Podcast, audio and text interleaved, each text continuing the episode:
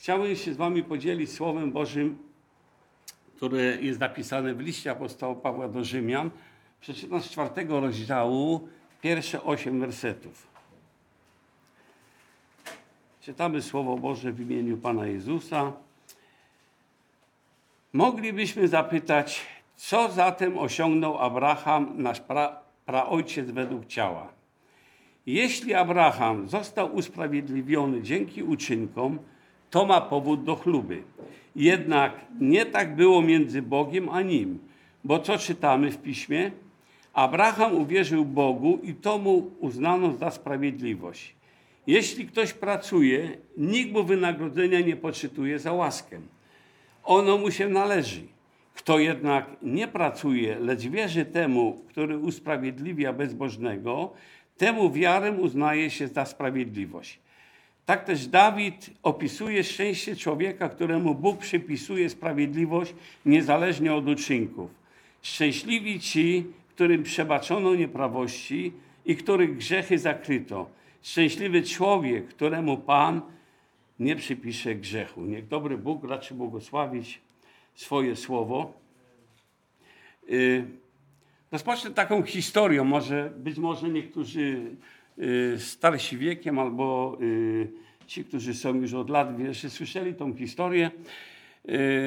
To jak ją będą znali, to proszę, nawet nie przyznawajcie się, że ją znacie. Taka historia była, że kiedyś samolotem leciały cztery osoby.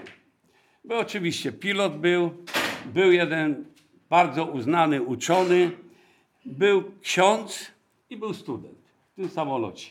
I pewnego razu, lecąc tym samolotem do, y, z kabiny pilota, pilot wychodzi mówi tak, słuchajcie, mam dla was przykrą wiadomość.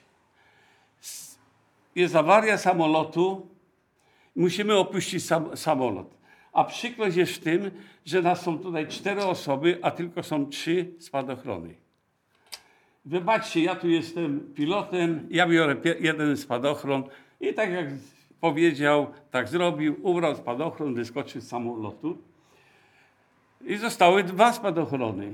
I w końcu yy, ten uczony mówi tak, no słuchajcie, ja tyle rzeczy wspaniałych skonstruowałem, państwo tyle zysku miało, nie gniewajcie się, ale ja wezmę drugi spadochron. Wziął ten spadochron i wyskoczył. I został ten ksiądz i student. Ten ksiądz tak popatrzył na tego studenta i mówi tak, wiesz co, ja tu już tam praktycznie swoje życie przeżyłem. Na życiu mi za bardzo nie zależy. To, co miałem zrobić, to zrobiłem. Co zaniedbałem, to też zaniedbałem weź ty ten, ten trzeci spadochron i wyskocz. Student na niego popatrzy i mówi, nie proszę księdza, my obydwaj wyskoczymy, ponieważ ten uczony wziął mój plecak i z moim plecakiem wyskoczył. Y, dlaczego o tym mówię? Ponieważ bardzo często ludzie o wiecznym bezpieczeństwie mają swoje różne wyobrażenia. Myślą, że zasługi jakieś ich specjalne, jakieś moralne życie mogą doprowadzić do tego, że Paweł kiedyś tam może w przyszłości łaskawym okiem na nich spojrzy. Apostoł Paweł, w ogóle list do Rzymian to jest wspaniała księga, napisana przez Pawła pod natchnieniem Ducha Świętego. Po co ona została napisana? Aby nam wyjaśnić Ewangelię, którą on osobiście głosił. Wyobraźmy sobie Pawła, y, to nie było tak, jak teraz jesteśmy. Wy tutaj siedzicie, ja sobie tutaj stoję, ja do was mówię, wy albo przyjmiecie to, albo nie przyjmiecie. Paweł, kiedy przychodził do synagogi i zobaczył tych, tych rabinów i tych wszystkich uczonych tam, jak oni zwiastował Ewangelię, to nie było to, że oni uważnie słuchali. Oni mu przerywali, dyskutowali i tak dalej. I Paweł, co on miał zrobić, żeby ich przekonać do tego, że oni potrzebują zbawienia?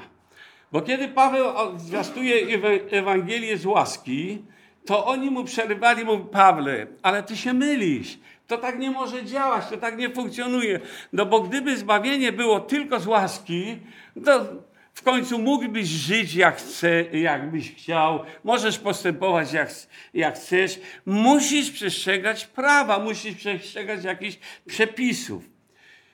Myślę, że tak jak dawniej, tak i dzisiaj są tacy ludzie, którzy w podobny sposób myślą, bo oni rozumieją właśnie, że w ten sposób działa zbawienie.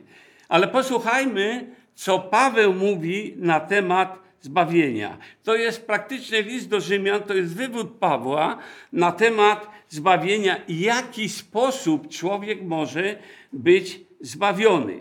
My w pierwszym rozdziale tego listu czytamy, że Ewangelia jest mocą Bożą do zbawienia każdego, kto wierzy. I pytanie jest, dlaczego ja potrzebuję zbawienia? Paweł podaje przynajmniej dwa powody tutaj. Po pierwsze, Paweł mówi tak, albowiem gniew Boży z nieba, z nieba objawia się przeciwko wszelkiej bezbożności i nieprawości ludzi, którzy przez nieprawość tłumią prawdę. Muszę być zbawiony przed gniewem Bożym, ponieważ kiedy niepoprawnie się zachowuję, to już jestem w tym życiu doczesnym, jestem pod gniewem Bożym. Ale Paweł pisze coś więcej. W drugim rozdziale pisze, że kiedyś Bóg sądzić będzie ukryte sprawy ludzkie przez Jezusa Chrystusa.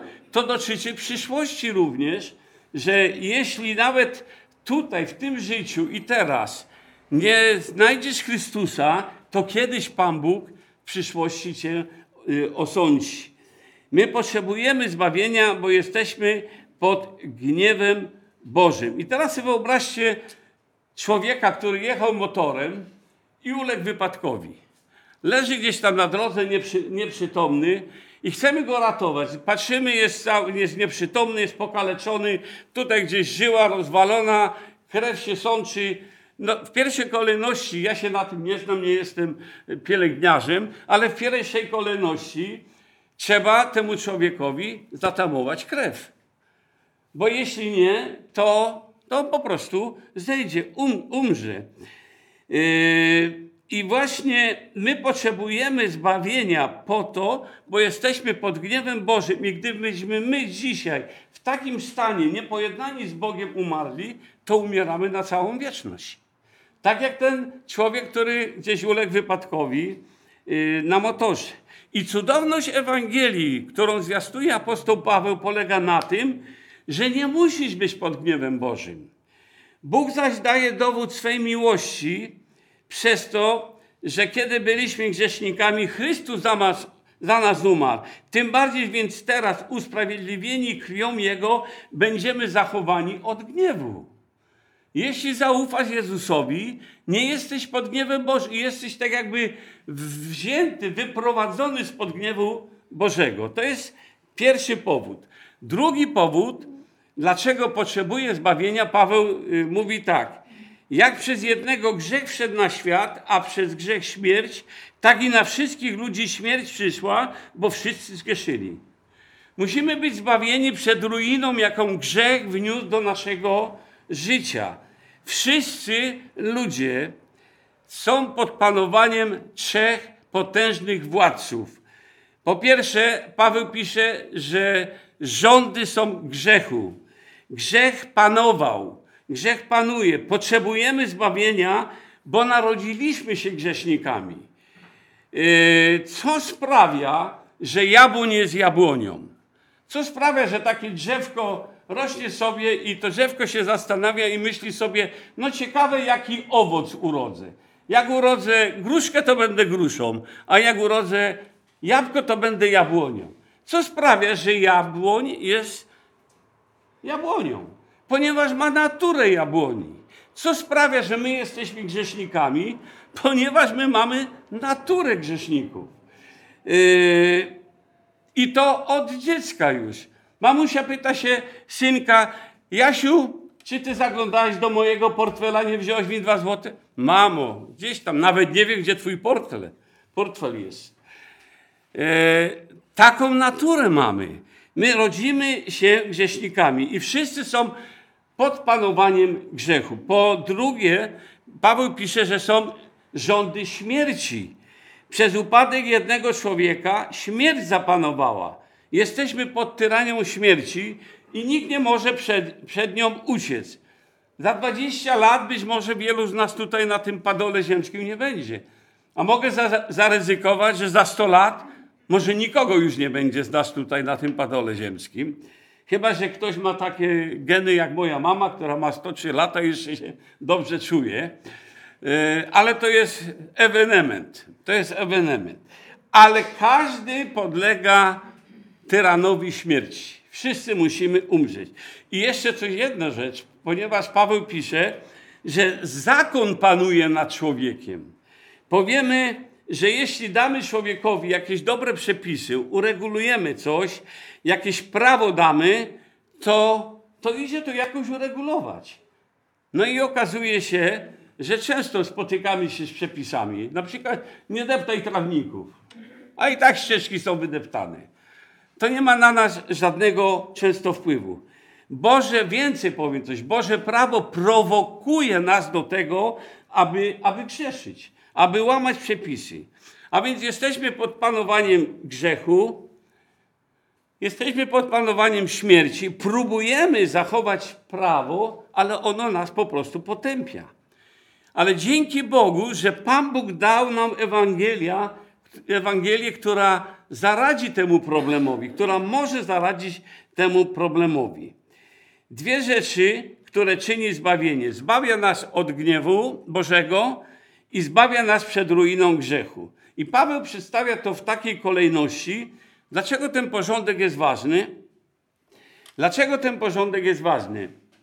Wyobraźmy sobie młodego człowieka, który ma, jak to młodzi mówią, ma fajną brykę. Nie wiem, jakiś Ferrari. Ale jak to młody człowiek nie dba o samochód, jeździ tu, tam, tu uderzy, tutaj coś zrobi, tutaj coś rozwali i tak dalej. I w pewnym momencie reflektuje się, patrzy na ten samochód i mówi tak, taki fajny samochód miałem i doprowadziłem do takiego, do takiego stanu. Ale przypomina coś sobie jeszcze, ten samochód nie był mój. Ten samochód nie jest mój. A więc trudna sytuacja.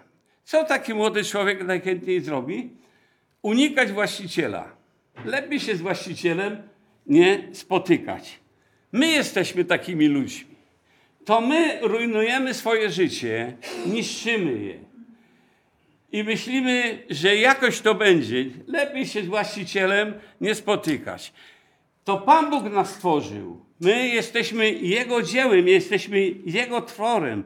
I często jest tak, że my niszczymy nasze ciała, nie dbając o nie. Alkoholicy, narkomani, seksoholicy, pracokolicy, wszyscy niszczą swoje życie, deprawują to życie i w jaki sposób oni mogą naprawić swoje życie? Jest ta świadomość, że należy do Boga, który mnie stworzył i któregoś dnia będę się musiał z nim spotkać. I Paweł wyraźnie tu stwierdza, że w tym liście, że nie należysz do siebie, ponieważ to Bóg ciebie uczynił, Bóg ciebie stworzył i któregoś dnia, czy się to tobie podoba, czy nie, będziesz musiał stanąć przed Bogiem i któregoś dnia będziesz musiał odpowiedzieć przed Bogiem za twoje grzeszne życie. I Wiecie, co ludzie robią? Zaczynają poprawiać swoje życie. Ja pamiętam moją świętej pamięci teściową. E, ona miała problem z papierosami. Myśmy Ewangelię jej zwiastowali. Ona z wszystkimi się zgadzała. Ale gdzieś jej w podświadomości było to, że ona nie może przyjść do Boga, kiedy ona jest taka nieczysta, brudna, bo ma problem z papierosami. Ile, ile myśmy się natłumaczyli, że właśnie w takim stanie musisz przyjść do Boga i wyznać Mu swoje grzechy i prosić Go o pomoc, żeby Pan Bóg pomógł Ci rozwiązać ten problem. To trwało chyba trzy lata, zanim, zanim podjęła taką decyzję i mogła to palenie rzucić, co było przeszkodą w tym, aby przyjść do Jezusa Chrystusa. I często tak ludzie zaczynają pracować, starać się, mając ciągle nadzieję, że im się uda naprawić swoje życie, zanim ten właściciel przyjdzie. To jest niemożliwe. Wielu jest takich ludzi, którzy zgrzeszyli, popsuli swoje życie i uświadamiają sobie, że któregoś dnia będą musieli spotkać się z Bogiem. Yy, I naturalną reakcją jest to, że oni naprawiają swoje życie. A nigdy nie będziesz na tyle dobry, żebyś mógł przyjść przed oblicze Boże i spotkać się z Bogiem. Co ten młody człowiek musi uczynić, jeśli to auto, mówiąc yy, prosto, rozwalił? Nie próbować naprawiać tego auta, lecz idź i spotkać się z właścicielem. I w taki właśnie sposób znajdujemy zbawienie.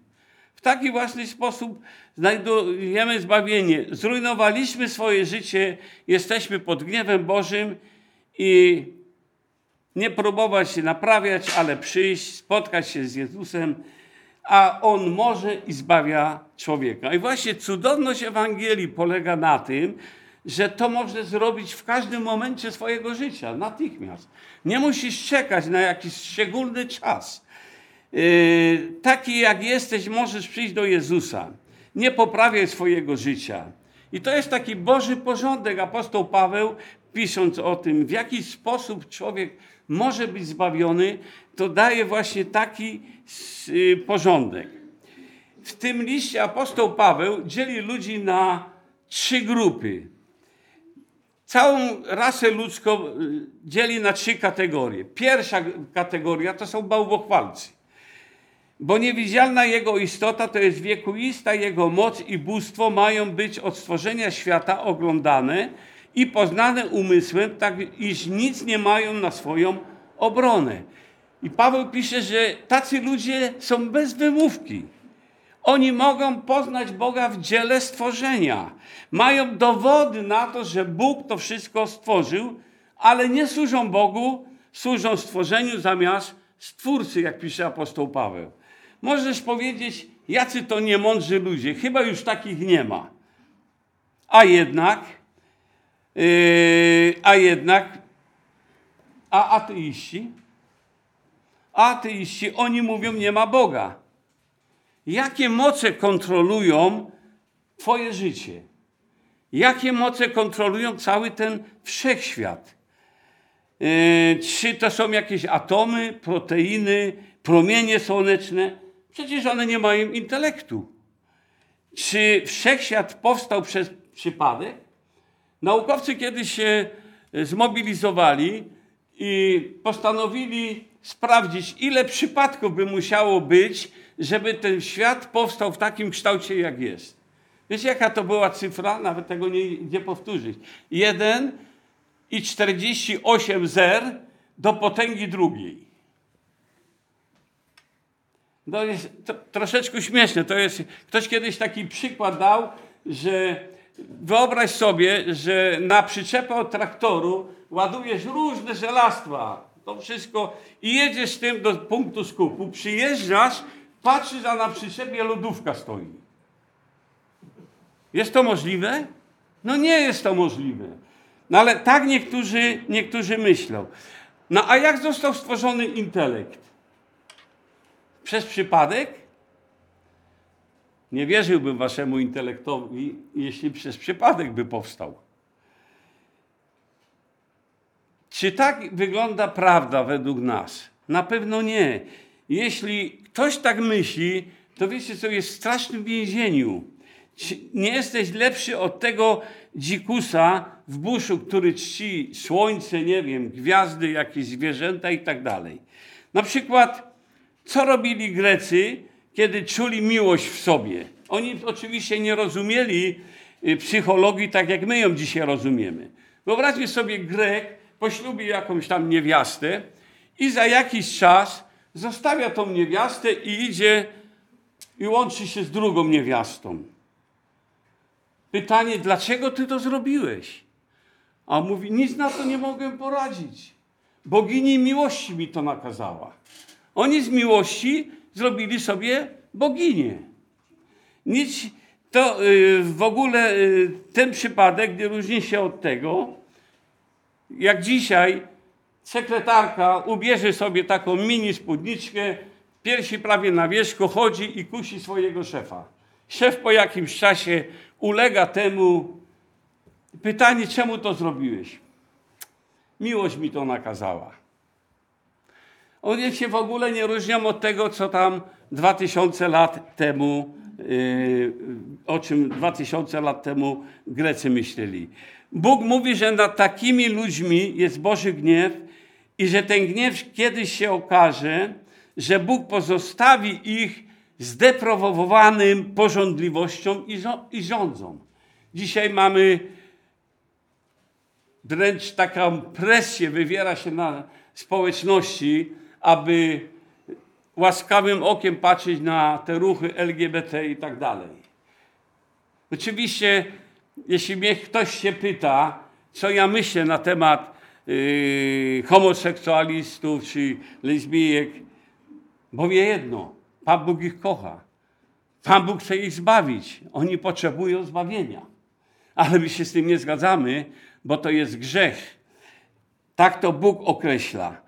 Pan Bóg wydał ich na łup niecnych porządliwości i namiętności, aby bezczyścili ciała swoje. Tak pisze apostoł, apostoł Paweł. I nie możemy ich popierać. No oczywiście nie będziemy kamieniami też za nimi rzucać, jakby niektórzy robili, bo oni potrzebują zetknąć się z żywą Ewangelią. Z żywą Ewangelią. Druga kategoria ludzi, o której apostoł Paweł mówi, to są ludzie, którzy grzeszą przeciwko własnemu sumieniu, ponieważ ludzie mają sumienie. Na przykład dwie sąsiadki rozmawiają, wiesz co, a ten sąsiad spod piątki, wyobraź sobie, zostawił swoją żonę i poszedł do drugiej gdzieś tam klatki i mieszka u drugiej kobiety. Jak on to mógł zrobić? A druga mówi, no wiesz co, tak prawdę mówiąc, ta jego żona to nie była jakaś taka dobra, że taka zołza była, to z drugiej strony to może dobrze zrobił i tak dalej. E, my każdego dnia, my każdego dnia jako ludzie e, robimy, jednych oskarżamy, drugich bronimy. Dlaczego? Właśnie dlatego, że mamy sumienia. Właśnie dlatego, bo mamy w sobie to poczucie dobra i zła. Bóg umieścił to w nas. Ile razy sumienie właśnie składało świadectwo, że uczyniłem coś złego, że zrobiłem coś niewłaściwego. Ileż to razy sumienie moje składało mi świadectwo, że na przykład kłamałem, oszukiwałem, grzeszyłem przeciwko światłu sumienia. Słowo Boże mówi, że kiedyś staniemy przed tronem Bożym, i Bóg osądzi te rzeczy tajemne, ukryte, sekretne. Kiedy staniesz przed Bogiem, to nie powiesz, Panie Boże, ja nie wiedziałem, że to jest grzech. A Bóg otworzy wszystkie myśli człowieka i w jednym momencie pokaże mu, jaki on był, kiedy, kiedy czynił ten grzech. Przed obliczem Bożym człowiek nie będzie mógł nic zataić. Dlatego, kochani, potrzebujemy zbawienia, aby ujść przed gniewem Bożym. W jaki sposób mogę być zbawiony od winy grzechów? Możesz powiedzieć, mam pomysł. Jeśli zaczniemy przestrzegać przykazań Bożych, to może dojdziemy do doskonałości. I to jest właśnie ta trzecia kategoria ludzi, którzy myślą, że poprzez przestrzeganie prawa mogą być zbawionymi od winy grzechu. Jeśli ty tak myślisz, to jesteś spóźniony o kilka tysięcy lat. Bo Pan Bóg już ten eksperyment przeprowadził. Pan Bóg dał jednemu narodowi arcykapłanów, proroków, sam zamieszkał wśród nich, dał im świątynię i dał im prawo i powiedział tak, przestrzegajcie tego wszystkiego, a będziecie zbawieni. Kim byli ci ludzie? To byli Żydzi. Bóg dał im prawo po to, aby wszystkie usta były zamknięte, aby cały świat podlegał sądowi Bożemu, jak czytamy. I Bóg to zademonstrował, że nigdy przez przestrzeganie przepisów czy prawa nie będzie zbawiony żaden człowiek. Dwa tysiące lat prawie ten eksperyment trwał i wynik był straszny końcowy. Każdy złamał prawo i Bóg udowodnił, że przez uczynki nikt nie będzie zbawiony. Yy, a dzisiaj żyjemy w czasach, że wielu ludzi myśli, że będą przestrzegać jakichś przepisów, y, prawa kościelnego czy jakiegoś, że jakoś te sprawy zostaną uregulowane. Często prawo porównuje do termometru. Jeśli na przykład widzę, że żona ma rozpaloną głowę, dotykam głowy, mówię, o kochana, ty masz gorączkę. Biorę termometr, mierzę za jakiś czas, patrzę, ty masz 40 stopni gorączki, jesteś chora. Ten termometr pokazał, jaki jesteś chory. Yy, ale Bóg yy, daje swoje prawo, aby pokazać, jacy my jesteśmy chorzy. Jacy my jesteśmy zepsuci. Takim razie, jak możemy być zbawieni? Jak żona leży chora, to wyobraźcie sobie, że ja biorę ten termometr, żeby ona szybko była uzdrowiona, zacznę chuchać i dmuchać na ten termometr. Czy to coś pomoże? Oczywiście, że nie, bo rolą termometru jest to, aby pokazać, jaki jesteś chory. Ale termometr nie jest po to dany, żeby y, ciebie uleczyć. Dlatego y, Boże prawo jest po to, aby pokazać nam, jak bardzo grzesznymi ludźmi jesteśmy, a nie aby być czy stać się środkiem do zbawienia, do odkupienia człowieka. W takim razie, jak mogę być zbawiony, jeśli nie przez Boże prawo? Właśnie mamy cudowne słowo zbawienia. Duch Święty mówi, że droga zbawienia jest poprzez wiarę. Jeśli zwrócimy się do Boga, jeśli będziemy żałować za swoje grzechy, odwrócimy się od nich i całą naszą wiarę, nasze zaufanie położymy w Jezusie Chrystusie, w Nim jedynie Pan Bóg może grzesznego człowieka usprawiedliwić. I w Nim usprawiedliwia. I apostoł Paweł tak pisze, ale teraz niezależnie od zakonu objawiona została sprawiedliwość Boża, o której świadczą zakon i prorocy, i to sprawiedliwość Boża przez wiarę w Jezusa Chrystusa. Życie przez wiarę w Jezusa Chrystusa. Dla wszystkich wierzących nie ma bowiem różnicy, gdyż wszyscy zgrzeszyli i brak im chwały Bożej i są usprawiedliwieni darmo z łaski Jego przez odkupienie w Chrystusie Jezusie. Darmo zbawienie, nic nie płacimy, nie możemy sobie na nie zapracować przez krew Jezusa Chrystusa, który, Chrystusa, która jest skuteczna poprzez wiarę. Myśmy wszyscy zasługiwali i zasługujemy na śmierć. Ale jeśli Bóg mówi, jesteś gotowy położyć całą swoją wiarę i ufność w Jezusie Chrystusie, to Bóg jest gotowy Ciebie usprawiedliwić. Być może nasze życie było takie, jak przedstawia je apostoł Paweł. Wielu z nas było takimi ludźmi. Grzeszyliśmy, y, staraliśmy się coś dobrze robić, a to jeszcze bardziej pokazywało, że, że na każdym kroku, jak to mówią, zawalamy swoje życie. Byliśmy takie, ale dziękujemy Bogu za taką łaskę, jaką nam okazał za ten czas, w którym Pan Bóg pokazał nam, jaka jest prawdziwa droga do zbawienia, do odkupienia człowieka i że Ewangelia jest jedynym środkiem. Poza Ewangelią nie ma zbawienia. Możesz się starać, możesz chodzić do kościoła, może nawet na pielgrzymki chodzić, yy, nie wiem jak długie, to ci nic nie pomoże. Zbawiony możesz być tylko przez to, że przyjdziesz do Chrystusa zaprosić Go do swojego życia, wyznać Mu swoje grzechy, a On weźmie Twoje życie i uczyni je po prostu swoim. Y, być może kogokolwiek tutaj na tej sali życie w dalszym ciągu jest takie, to mówię prosto, nie naprawiaj tego życia. Nie staraj się coś zmienić w swoim życiu, ale przyjdź do Jezusa, aby On mógł zmienić Twoje życie. Bóg mówi, zanim zaczniesz naprawiać swoje życie, to najpierw musi być, musisz być usprawiedliwiony przed moim obliczem. I to jest taka kolej. I apostoł Paweł w ten sposób przedstawia Ewangelię, która jest mocą Bożą do zbawienia.